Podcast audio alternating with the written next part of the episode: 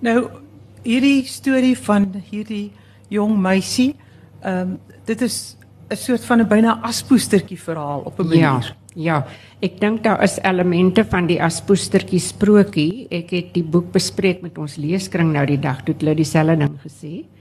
Uh daar is die element van sy is in armoedige omstandighede en uh, dan kom dinge vir haar reg. Daar's miskien twee goeie feetjies in haar lewe. Daar's 10 en dan is daar ook Miss Rachel, die Joodse tannie met die blou naadjies, jy weet, wat vir haar die rok bewimpel want dit is 'n uh, klassieke elemente in die aspoestertjie verhaal.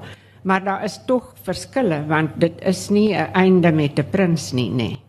En hulle leef vir altyd gelukkig in die paleis nie. Daar is nie 'n prins nie. Wie die prins kon gewees het is oor see en hy bel nie eers nie. Hy het nie eens tot siens gesê nie. so sy het nie 'n prins nie en um, sy gaan waarskynlik 'n lewe lei van ehm um, selfverwesenliking as sy dan kan sing en goed sing. Maar sy gaan terselfdertyd daarvoor boet want dit gaan swaar wees. En ek dink ek maak dit duidelik. Maar wat interessant is in hierdie uh roman is die feit dat daar die wisseling tussen die ouer karakters en die jonger mense en dat daar ook hierdie interessantheid is dat dit nie net altyd ouer mense is wat vir jonger mense geleenthede gee nie, maar ook inderdaad kinders, jong mense is wat aan ouer mense geleentheid gee mm om drome te verwesenlik. Ja. Wil jy 'n bietjie oor daardie ek ek dink ek dink dis 'n baie belangrike element in die roman.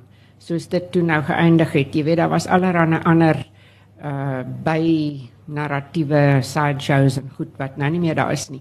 Nou is hierdie verhouding tussen Nols en Jannie. Kan ek jou net in die rede val om te vra dat in geval daar in ons gehoor mense is wat nog nie die geleentheid gehad het om Karoo kantata te lees nie dat jy mm -hmm. net 'n kort 'n soort van weergawe gee daarvan terwyl van die gesprek. nou maar goed. Uh dit begin waar uh 'n vrou Steen na 'n uh, kinderhuis toe gaan om 'n kind vir die September vakansie na haar oom se huis toe te neem. Die oom is 'n afgetrede internasionale dirigent en komponis en hy woon in 'n dorpie. Hy het voortydig afgetree en daar's iets baie hartseer en sleg in sy agtergrond, maar mens weet nie dadelik wat dit is nie. En dan neem Steen hierdie kind en in daai tydperk van maar omtrent 'n week gebeur daar allerlei wonderlike dinge en dis omdat Jannie hierdie sangtalent het. Sy het 'n besonderse sangstem. En dit inspireer Nols om weer 'n kantate klaar te skryf wat hy ook soos ek met die boek in 'n laai gegooi het baie jare gelede en nou haal hy dit weer uit en dan kan hy dit weer skryf en so het sy hom verlos uit 'n bepaalde ehm um, swaar kry.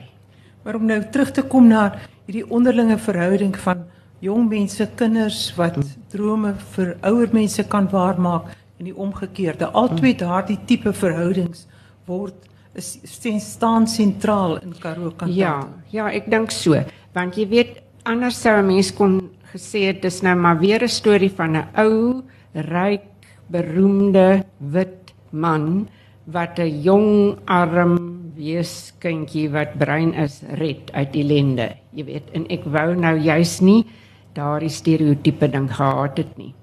So daarom is dit belangrik dat hy vir haar deure oopmaak, maar sy vir hom ook weer inspireer. Sy is inderdaad die vonk sy's die vonk. Sy's absoluut die vonk en hulle kry mekaar, jy weet, uh en hulle saam. O, ek moet vir jou dit vertel, weet jy, want ek praat toe hier oor met die leeskring.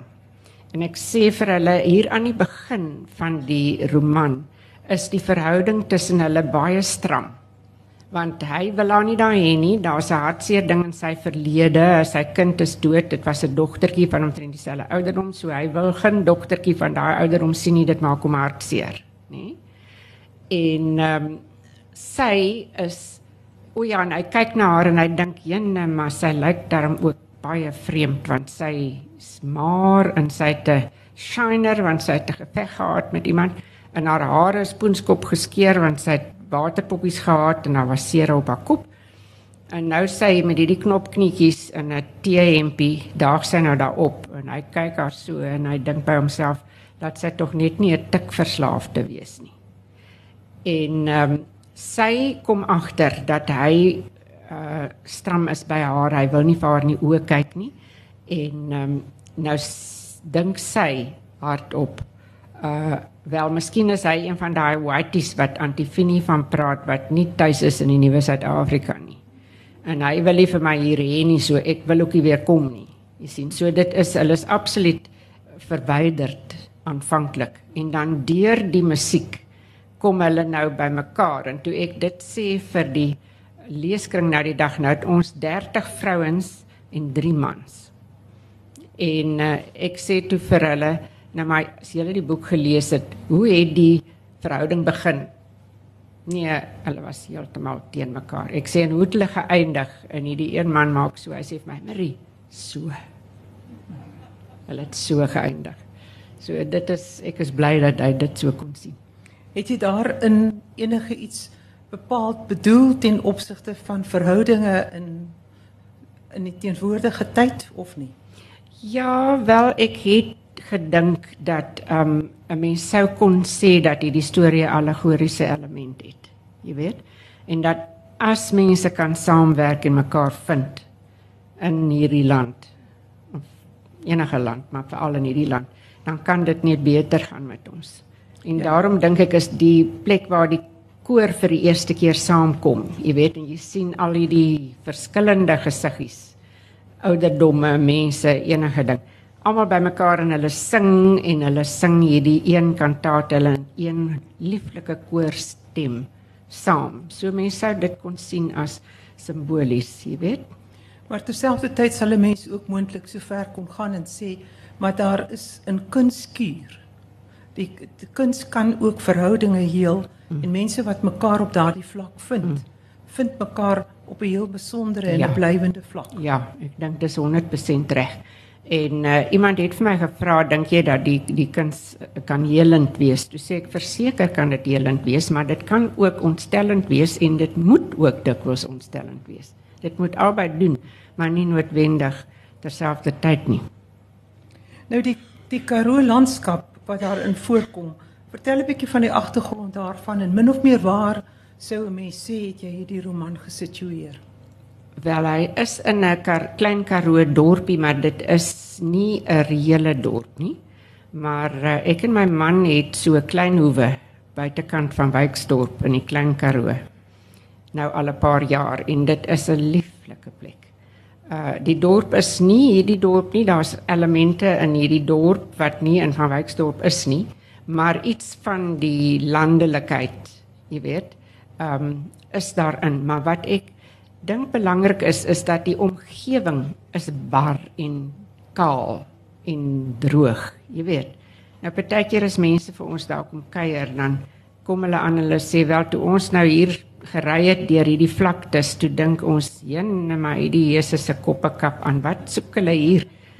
Maar dan kom hulle aan op hierdie klein hoewe en dit is 'n groen oase.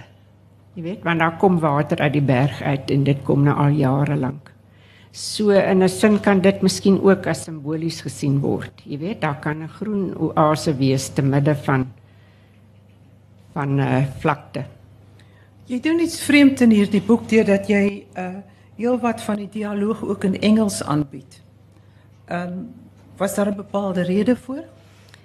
Dit is so, 'n ja. mate dialoog wat maklik vertaalbaar is. Ja, is maklik vertaalbaar, maar ek het gedink, hoekom kan hulle nie maar Engels praat nie? Want ek dink die mense wat die boek lees sal wel Engels verstaan. En dit is vir my 'n bietjie vreemd dat Nos en 'n dokter van die Great Ormond Street Children's Hospital in Londen nou gaan staan Afrikaans praat. Toe dink ek net, ek wonder of ek durf dit in Engels doen. En toe gaan kyk ek in ehm um, Elsa Joubert se werk en ek kry dit ek dink dit was in die reise van Isabella ja. dat sy lang stukke in Engels het toe dink ek wat sy dit kan doen dan kan ek dit ook doen. Ja gewis. Uh, maar die hele kwessie die die so die motivering vir die taal is net om wanneer jy Engels gebruik in hierdie roman is dan net vir die autentisiteit van die recht. gesprek. Ja. Ja, ja en, en realisme. gevind, ja. En jy het gevind dat dit soort van voetend is in die verhaal self. Dit bou die verhaal. Ek dink so. Ek weet nie wat ander mense dink nie. Nee, maar in jou mm. oortuiging toe jy dit geneem het. Ja. Ons kan mos nou later hoor wat ander dink. Ek vra nou vir jou. ja. Nou, as jy ehm um, die verskil wat 'n mens nou het tussen die aanpak van 'n jeugroman en die voorbereiding vir 'n volwasse roman, uh wat sou die verskille wees? Ek weet dat in die voorbereiding van van 'n roman vir volwassenes jy baie navorsing uh onderneem, maar is daar 'n verskillende manier waarop mense dit aanpak? Uh, ek weet nie hoe ander mense dit doen nie. Ek kan maar vir myself praat. Vir my as ek 'n jeugroman skryf wat navorsing nodig het, dan moet ek die navorsing doen. Nou vir hierdie een moes ek die musiek redelik deeglik navors. Ek het nie al daai goed van die musiek self geweet nie. Jy sien? En ek dink nie dit maak vreeslik saak of die leser dit 100% ook weet nie, maar dit moes darm autentiek wees. So ja. daar moes ek die navorsing doen. Nou ehm um, daar daar's 'n neiging veral by uitgewers en uitgewers se lesers, uh present company excluded, om vir 'n mens voorskriftelik te wees. Jy weet, as jy nou met 'n jeugroman werk, dan moet jy nou sekere dinge doen en ander dinge moet jy nie doen nie. Byvoorbeeld, dan moenie groot mense op die voorgrond wees nie. Nou ek dink dit is twak want groot mense is 'n baie belangrike element van 'n jong mense belewenis, jy weet. Ja. Jy moet wel fokus gewoonlik op 'n jong mens of op 'n groepie jong mense. Maar selfs dit is nie absoluut nie. Jy weet Lord of the Rings is eintlik 'n jeugroman, nie? En daar's nie kinders in nie. Maar tog het jy my met 'n geleentheid vertel dat hierdie Karoo kantata jou ook op 'n manier ingegee is deur 'n storie wat jy as 'n kind jare gelede gelees het? Ja, daar's twee boeke deur ene Elfrida Waipont. Die een is The Lark in the Moon en die ander een is The Lark on the Wing. En dit is so oor 'n jong meisie wat 'n besonderse sangtalent het. En uh, ek het dit onthou toe ek nou begin dink aan Janie Lappies. En toe dink ek, ja, weet jy, daai sang element dink ek gaan vir my werk. Maar ek het nie weer daai boeke gaan lees nie want ek is bang ek leen te veel, jy weet. Maar dit dit betuie daar ook daarop dat wanneer 'n mens tog iets lees, al was dit in jou jeugjare of selfs as 'n kind, tog iets as 'n blywende herinnering mm. daar kan wees en later jare voet op jou kan inwerk. Absoluut en jy weet dit nie altyd nie. Jy jy besef nie duidelik waar sekere dinge vandaan kom nie. Jy weet dit kan in jou langtermyn geheue wees en jy weet nie altyd hoekom jy 'n ding skryf soos jy hom skryf nie. Ek het een keer um, gehoor 'n lesing wat Bartu Smit gegee het, nê? En hy het gesê mens moet altyd onthou jou onderbewussyn is jou medeskrywer. En alles wat jy gelees en ervaar het is daar in jou onderbewussyn of jy dit duidelik onthou of nie. En as jy skryf dan kom dit baie keer na vore. Maar ook uh die een van die redes hoekom ek die vraag vra is vir 'n soort van 'n agenda van my kant af en dit is naamlik dit beklemtoon ook uh die noodsaaklikheid van lees vir jong mense. Absoluut. Wil jy ja. bietjie iets daaroor sê? Wel, kyk, ek was 'n uh, onderwyser van Afrikaans en ek het die kinders altyd aangemoedig om te lees. En ek dink dit is een van die belangrikste redes vir 'n kategorie soos jeugromans dat daar tog dinge is wat baie spesifiek fokus op jong mense se ervaring want daarmee kry jy mense aan die aan die lees. En dit bied terselfdertyd vir beide die ouer en die kind 'n insig in 'n soort van psigologie ja van binne so 'n ja, bepaalde ja, gegewe. Ja. Nou ons wil nou 'n bietjie oorswaai om 'n bietjie te gesels oor ehm um, die belangrike boek 4 4 klip en soos jy weet is dit die eerste boek in Afrikaans wat oor hierdie oertydperk handel 'n tydperk wat min of meer afspeel in die omgewing waar Marie en haar man Chris woon 'n bietjie min of meer sentraal daaraan en uh hierdie was 'n 'n boek gewees wat amper as te ware deur die omgewing ingegee is is dit korrek dit is korrek sal jy vir ons 'n bietjie vertel van hoe 'n mens nou beginne om so iets te begin skryf. Jy het die voordeel gehad van die argeologiese vereniging mm. waarvan Chris die voorsitter is mm. en ehm um, vertel net 'n bietjie van hoe jy dit benader het. Wat het jou wat was die ingewing waar wat vir jou aanleiding gegee het tot die navorsing en uiteindelik dan tot die skryf van hierdie boek. Hoe belangrik was daardie navorsing? Wel, dit was absoluut essensieel. Nou ons het die groot voorreg dat ons is in Stilbaai midde in drie groot internasionale navorsingsinisiatiewe. Die een is by die Pinnacle Point grotte, dit is in Mosselbaai. Een is by Blombos grot. Hy is so daar aan die kant vermaaklikheid, ook naby Stilbaai. En die derde een is die Agulhas Bank waar daar ehm um, mense navorsing doen oor die plante groei en die voedsaamheid daarvan en so aan.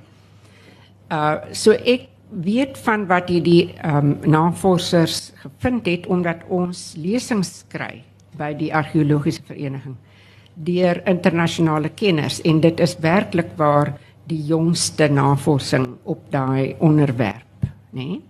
Maar wat my toe regtig eers aan die skrywe geskop het as dit ware was 'n artikel wat die een hoofnavorser um professor Curtis Marian uh hy sê die leier van die groep wat die Pinnacle Point grotte doen, né? Nee? Hy het vir ons 'n lesing kom gee en so het ons hom ontmoet en toe lees ek 'n artikel van hom in um ek dink Scientific American uh when the sea saved humanity in dit het my aandag absoluut aangegryp. Want kortliks die storie wat hy daar vertel is daar was 'n tydperk toe amper alle lewende wesens op die planeet dood gegaan het want daar was 'n geweldige ys. Jy weet dit was verskriklik koud en daar was blykbaar 'n vierspiewende berg wat die son van die aarde geskei het. Ek vertel dit eintlik in 'n mate in in die begin van Vierklip.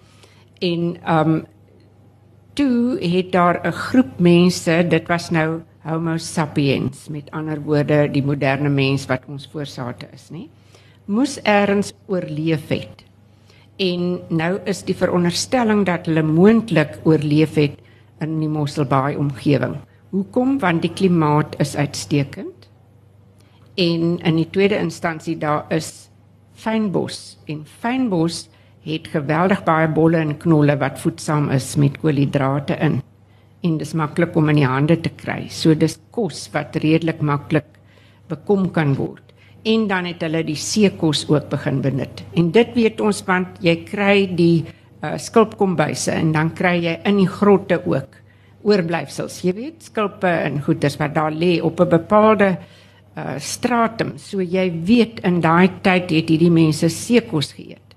En dit is belangrik blykbaar want dit maak 'n vrou meer um, bevatlik vir voortplanting uh as gevolg van die omega olies en dit is ook breinvoedend. So dit sal intelligensie bevorder het. Ja. Ons praat nou hoeveel jaar terug? 100 000 jaar, gelede. Hmm. Wel die ystydperk dink ek was omtrent 200 000 jaar gelede. Toe het dit tyd geneem vir die ehm um, klimaat om te herstel en van die plante groei om te herstel en die mense om weer te vermeerder. Jy sien want hulle dink daar kon so min soos 5000 oorgebly het met maar omtrent ek weet nie wat nie 5 of 800 vrouens wat kan kinders baar. So amper was die mensdom heeltemal weg. En toe oor 'n tydperk het dit beter geword en nou in my roman beleef hulle eintlik al 'n uh, bevolkingsdruk jy weet. En dis hoekom hulle moet dink hulle moet nou trek en waarna toe gaan hulle trek. Nou, wanneer 'n mens die so 'n roman van so omvang beplan, veral met sulke gegewe uh so lank terug waarvan niemand van ons ons kwaliek daarin kan verbeel nie. En waarskynlik min van die lesers van van jou roman 'n agtergrond van die aard het.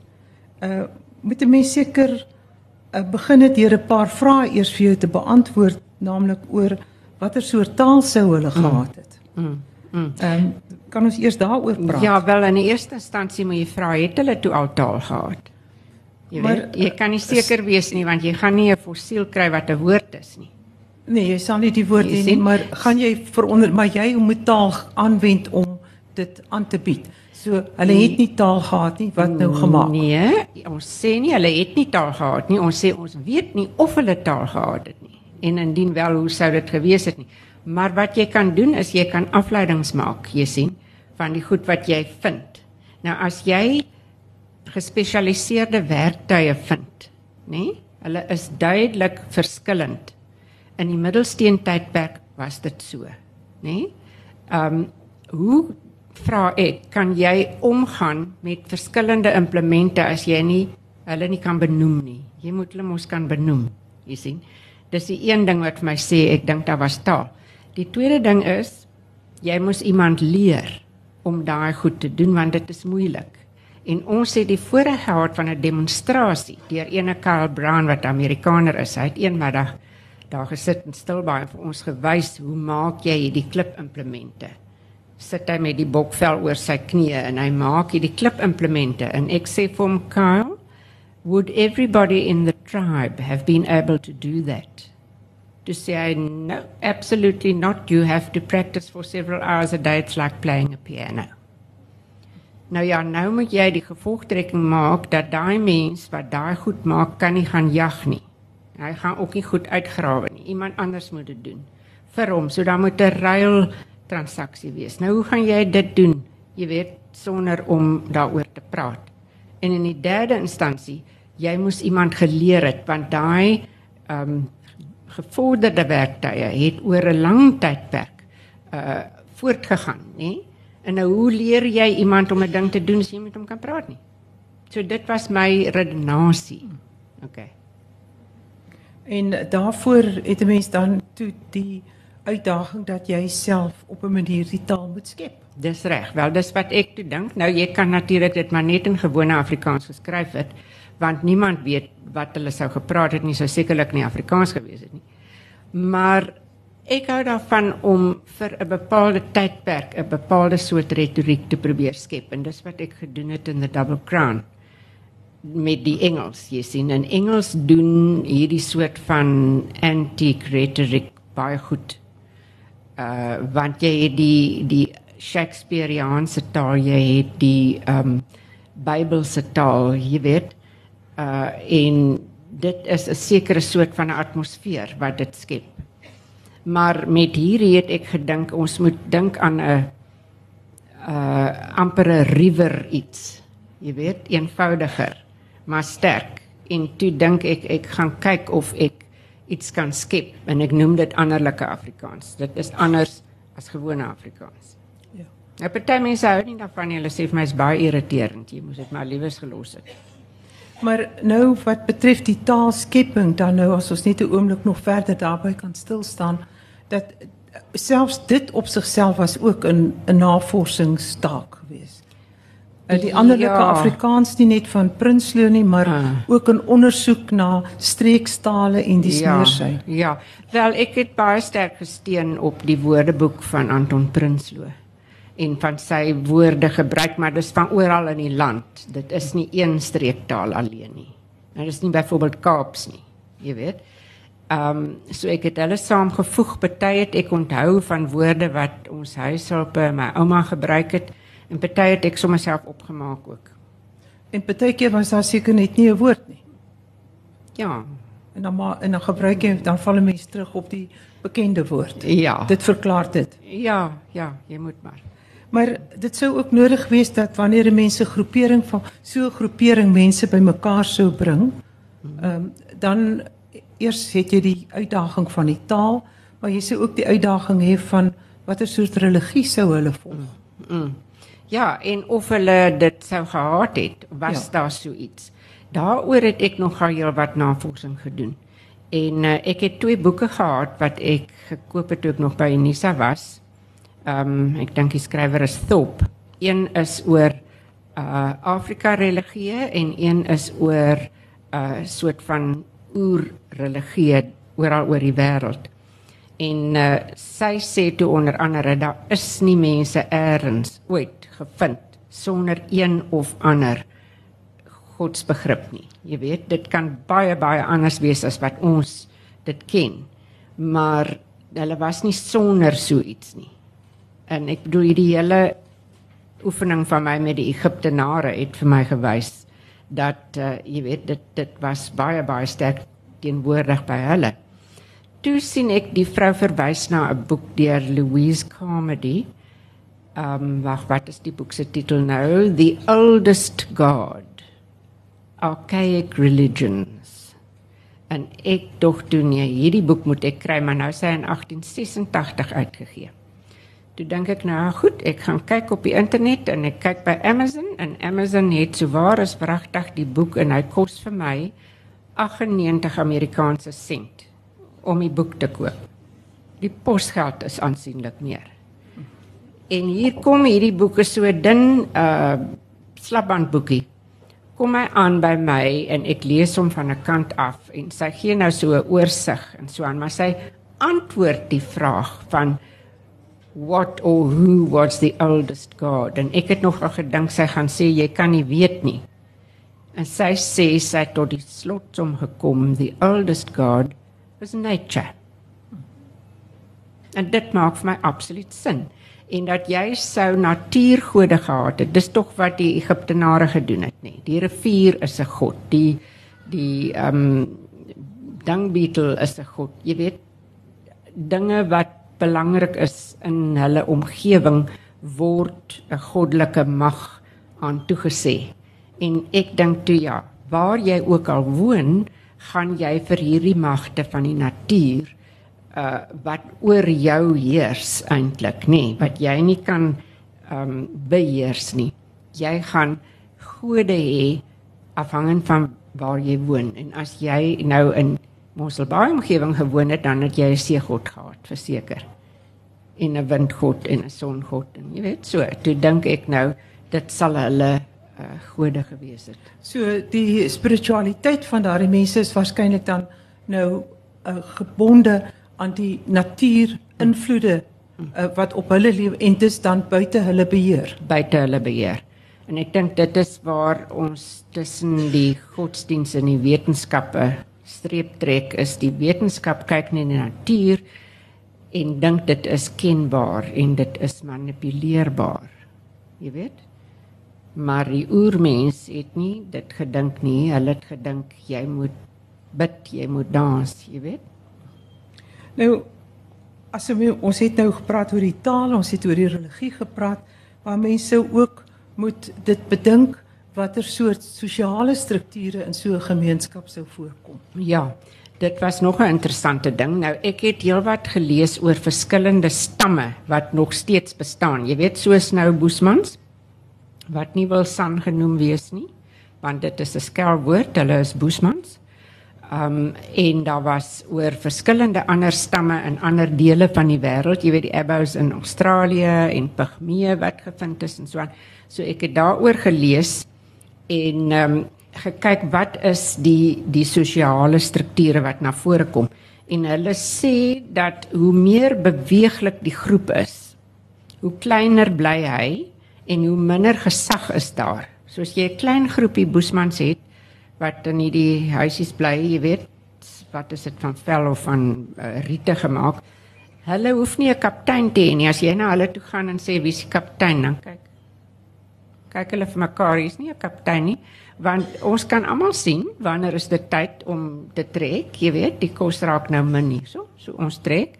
Ehm um, dis het jy met hierdie vlottende groepie nie vreeslik uh statusverskille nie, maar die oomblik wat hulle bietjie langer op een plek bly en meer word, dan begin dit nodig word om wel jy weet 'n hoof te hê en dan 'n hoof oor 'n hoof. En toe dink ek wel vir die doeleindes van die roman is dit my goed as hulle maar bietjie op een plek bly vir 'n ruk. En miskien as hulle in die grotte was grotte kan jy tog sekerlik langer in bly jy weet as 'n as 'n riethuisie en um, toe maak ek maar die landstamme en die seestamme en uh, oorhoofse hoofman owerste So daai hiërargie op 'n manier het jy self geskep. Ek het ek het gedink as daar soveel van hulle was en dit begin al so word dat hulle dink miskien moet ons omdraai want dit is 'n taboe in hierdie boek. Ons mag nie omdraai nie want ons voorouers het gesê jy moenie omdraai nie want agter jou lê die Badlands. Daar lê die woestyn. Daar is niks. Dit is deur die ys uitgewis. Maar oor 100 000 jaar het daar weer dinge teruggekom en dan is daar hierdie een man, klipman wat sê maar luister, ek dink ons moet terugdraai want ons kan nie almal in een rigting aanvoer nie, ons is te veel. En dit is 'n sleutel oomblik in die roman. Daai besluit om om te draai want dit is anti-taboe en dit is baie moeilik dink ek om iets te doen wat werklik anti-taboe is. En en dit soort van op 'n manier verfyn ook 'n moment waarin die individuele leier dan as te ware ja. na vore tree. Dis reg, ja. Ja. Ja. Nou as 'n mens dan nou verder dit neem en sou 'n mens ook moet seker antwoord uh of hierdie klompie mense wat jy nou hier bymekaar bring met mekaar sou saamwerk, sou hulle uh genee wees om saam te werk of hmm. sal dit maar 'n beneekte loetjie wees wat aan mekaar bots of ja. Uh, dit dit is was dit 'n vraag wat jy oorweeg? Dit was absolute vraag en ek en my man stem nie saam daaroor nie. Hy dink hulle sou mekaar baie meer oor die kop geslaan het. Maar ehm um, ek het gedink kyk dit is menslik om te bots en om wrywing te hê en om gewelddadig op te tree as daar iets gebeur wat jou nie aanstaan nie en so aan en so voort. Maar op die ou einde as jy wil oorleef, moet jy saamwerk. Want jy gaan langer leef as jy saamwerk met ander mense as wat jy gaan oorleef as jy net heeltyd met almal stry, nê? Nee? Ek het toe 'n paar artikels gekry in onlangse akademiese tydskrifte wat agter in die boek gelys is. Ek lees my bronne want ek persoonlik hou altyd daarvan om te weet waar het die die mens wat skryf se inligting gekry as dit feitelike inligting is in die artikels is um oorwegend van mening dat daar moes wel goeie samewerking gewees het. Dit sluit nie oorlog en stryde uit nie, maar hulle moes tog saamgewerk het en ek dink die een artikel se titel is The True Egotist is Cooperative. Ja. Nou as ek mag vra hierdie groep mense wat nou by mekaar kom daar, dit is die vraag gaan hulle trek trek hulle nie, wat is die omstandighede met kos, die weer ensovoorts. Mm. Ehm mm. um, dit lyk asof jy op 'n manier ook 'n soort van 'n oermatrys geskep het vir 'n soort demokratiese uh, gemeenskap hier daar. Eintlik in 'n sin ja, dat hulle ehm um, moet besluit en dan sê hulle hulle moet saam praat, nê? Nee?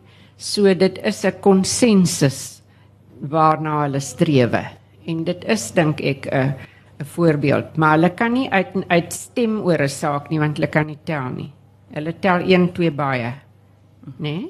Nou daarvan is ek ook nie seker of dit akkuraat is nie, maar ek skat dit is. So hulle sukkel om te tel. Hulle kan nie sê hier soveel mense wat vir hierdie man stem en soveel mense om vir daai man stem uh vir die hoofman owerste nie. So ons moet saam praat, ons moet ehm um, kommunikeer en op die ou einde moet ons gesamentlike besluit neem. Maar nou is dit eintlik hier in op die ou einde die ou vrou wat hulle uitoor lê nie. Sy besluit wie gaan wen. Nou ek wonder of jy net ter wille van die gehoor uh oor die soort van hoofkarakters elkeen iets wil sê. Ja, die een is die ou vrou, Mauma, en sy is die storievrou en die moedievrou. Uh sy praat nie direk in die roman nie. Daar praat twee karakters. Die een is Ama wat 'n jong meisie is en die ander een is Shaman. En ek vind dit nuttig om twee eerste ver persoon vertellers te hê want die een uh kan vir jou dinge sê wat die ander een nie weet nie. En die een kan op een plek wees en die ander een is op 'n ander plek en so aan. So jy het shaman wat nou die wyse ou man is en hy kan in 'n trance dans ingaan en hy kan sy liggaam verlaat en hy kan vlieg. Hier is elemente van magiese realisme in die boek. En ehm um, Amma is die jong vrou wat dit is in 'n mate ook 'n groot word verhaal van haar en dan ook haar verskillende verhoudings met mans. En dan is daar Klipman wat 'n baie belangrike karakter is, want hy is ook die die man wat die tegnologie ontwikkel. Hy is die hele tyd op soek na beter klip. En uh, hy kry dit ook want ehm um, en dit is uh, akkuraat dat jy kry 'n bepaalde soort klip by name sulkreet daar in daai omgewing en as jy hom verhit, maar jy moet dit oor 'n lang tydperk doen, dan word hy baie meer bruikbaar as wat hy is sonder dat jy hom verhit het. En dan kan jy baie meer gesofistikeerde apparate maak met daai behandelde klip. Nou jy sien dit is ook 'n teken van moderne kognisie. Jy weet om te kan sê kyk as ek hierdie ding so behandel dan word hy beter. Dis moet ek dit as prins doen. En waar het die eerste een uitgevind dat dit gedoen gaan word. En ek dink hierdie klipman is die hele tyd aan die dink oor klip, nê? Dit is nou sy passie. Nou, hy het eendag gekyk in een van my ouma se bakgate. Want hulle het nie potte gehad nie, ook nie panne gehad nie. Hulle het bakgate, dink ek, gegrou in die grond en jy straat hom uit met klip want anders is die ding wat jy daarin sit vol sand. So eendag het hy gestaan en kyk, dink ek, na die bakgat waarin daar 'n bout van 'n eland gelê het vir ure en ure en ure. En hy sien maar hierdie klip was geel en nou is dit rooi. Maar ek dink ek gaan net daai rooi klip uithaal en 'n ander klip insit sodat die ou vrou my nou nie grief gee nie. En dan gaan ek kyk of hy nou slegter of beter is of wat. En dan vind hy nou uit dit is beter. Jy sien? So hy is eintlik 'n uh, persoon wat die hele area van die tegnologie verteenwoordig. En uh die die hoofkarakter, die vrou, ma Mama. Uh, sy is soos die ander vrouens in jou werk sterk vrou. Ja, sy is sterk wel. Amma die jong vrou en mamma die ou vrou is albei sterk vroue. Het jy punt ja. daarmee te maak? Al is dit 'n privaat agent. ek dink ek het regtig 'n punt daarmee te maak nie. Ek is nie iemand wat dink dat uh mans is uh die vyand nie, jy weet. Ek is mal oor mans. maar ek dink dat 'n mens moet 'n vrou ook na waarde beoordeel. En ek vind sterk vroue in 'n tydperk wanneer dit nie algemeen was nie baie interessant. As ek jou net vir 'n oomblik weer kan terugneem na die taal toe en die manier waarop jy taal baie beskrywend aanwend. Uh, jy praat van 'n kolhond, kolbrak, 'n kolbrak. Ehm um, jy praat van jy het verskillende taalspelinge, jy praat van kopvreet. Ja, dis uh. Vertel 'n bietjie van is... en en dan ek gebruik jy 'n hele klomp baie sintuiglike beskrywings, geluide, uh reuk is dikwels daar sien baie beskrywend, die voel van die klippe, die skilpe en so voorts. Ehm um, dit is in in baie sintuiglike aanwending van die gebruik van taal. Ja, dit is seker. Ek dink ek streef daarna want dit maak die hele verhaal dink ek meer onmiddellik en oortuigend vir 'n mens as jy nie net sien nie maar of net hoor nie, maar al die ander dinge ook ehm um, daarmee saam. Maar kopvreet is byvoorbeeld een van die woorde in Prinsloo se woordeboek, dis 'n streektaalwoord. As 'n lekker woord nie. Ja, dit is 'n lekker. Ek dink kopvreet, jy dit beteken jy bekommer jou en die ander een wat ek baie van hou is kwartsoeklik. dit pas jou. dit pas my ja.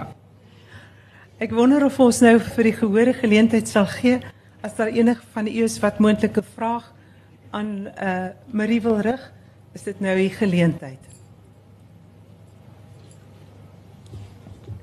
Iemand vir 'n vraag? het sy ons ons kan eers praat oor Karoo kantata as daar enig iemand is wat daaroor iets wil sê of ja asseblief wil nie oor die boek praat ek wil nie oor die boek praat nie ek wil net vir uh, vir, vir vir vir ons skryfster vra terwyl sy in van Wyksdorp woon of sy in die afgelope 2 dae die interessante uh, praatjie op die radio gehoor het oor die uh, spekboom projek wat nou daar in van Wyksdorp geloods gaan word.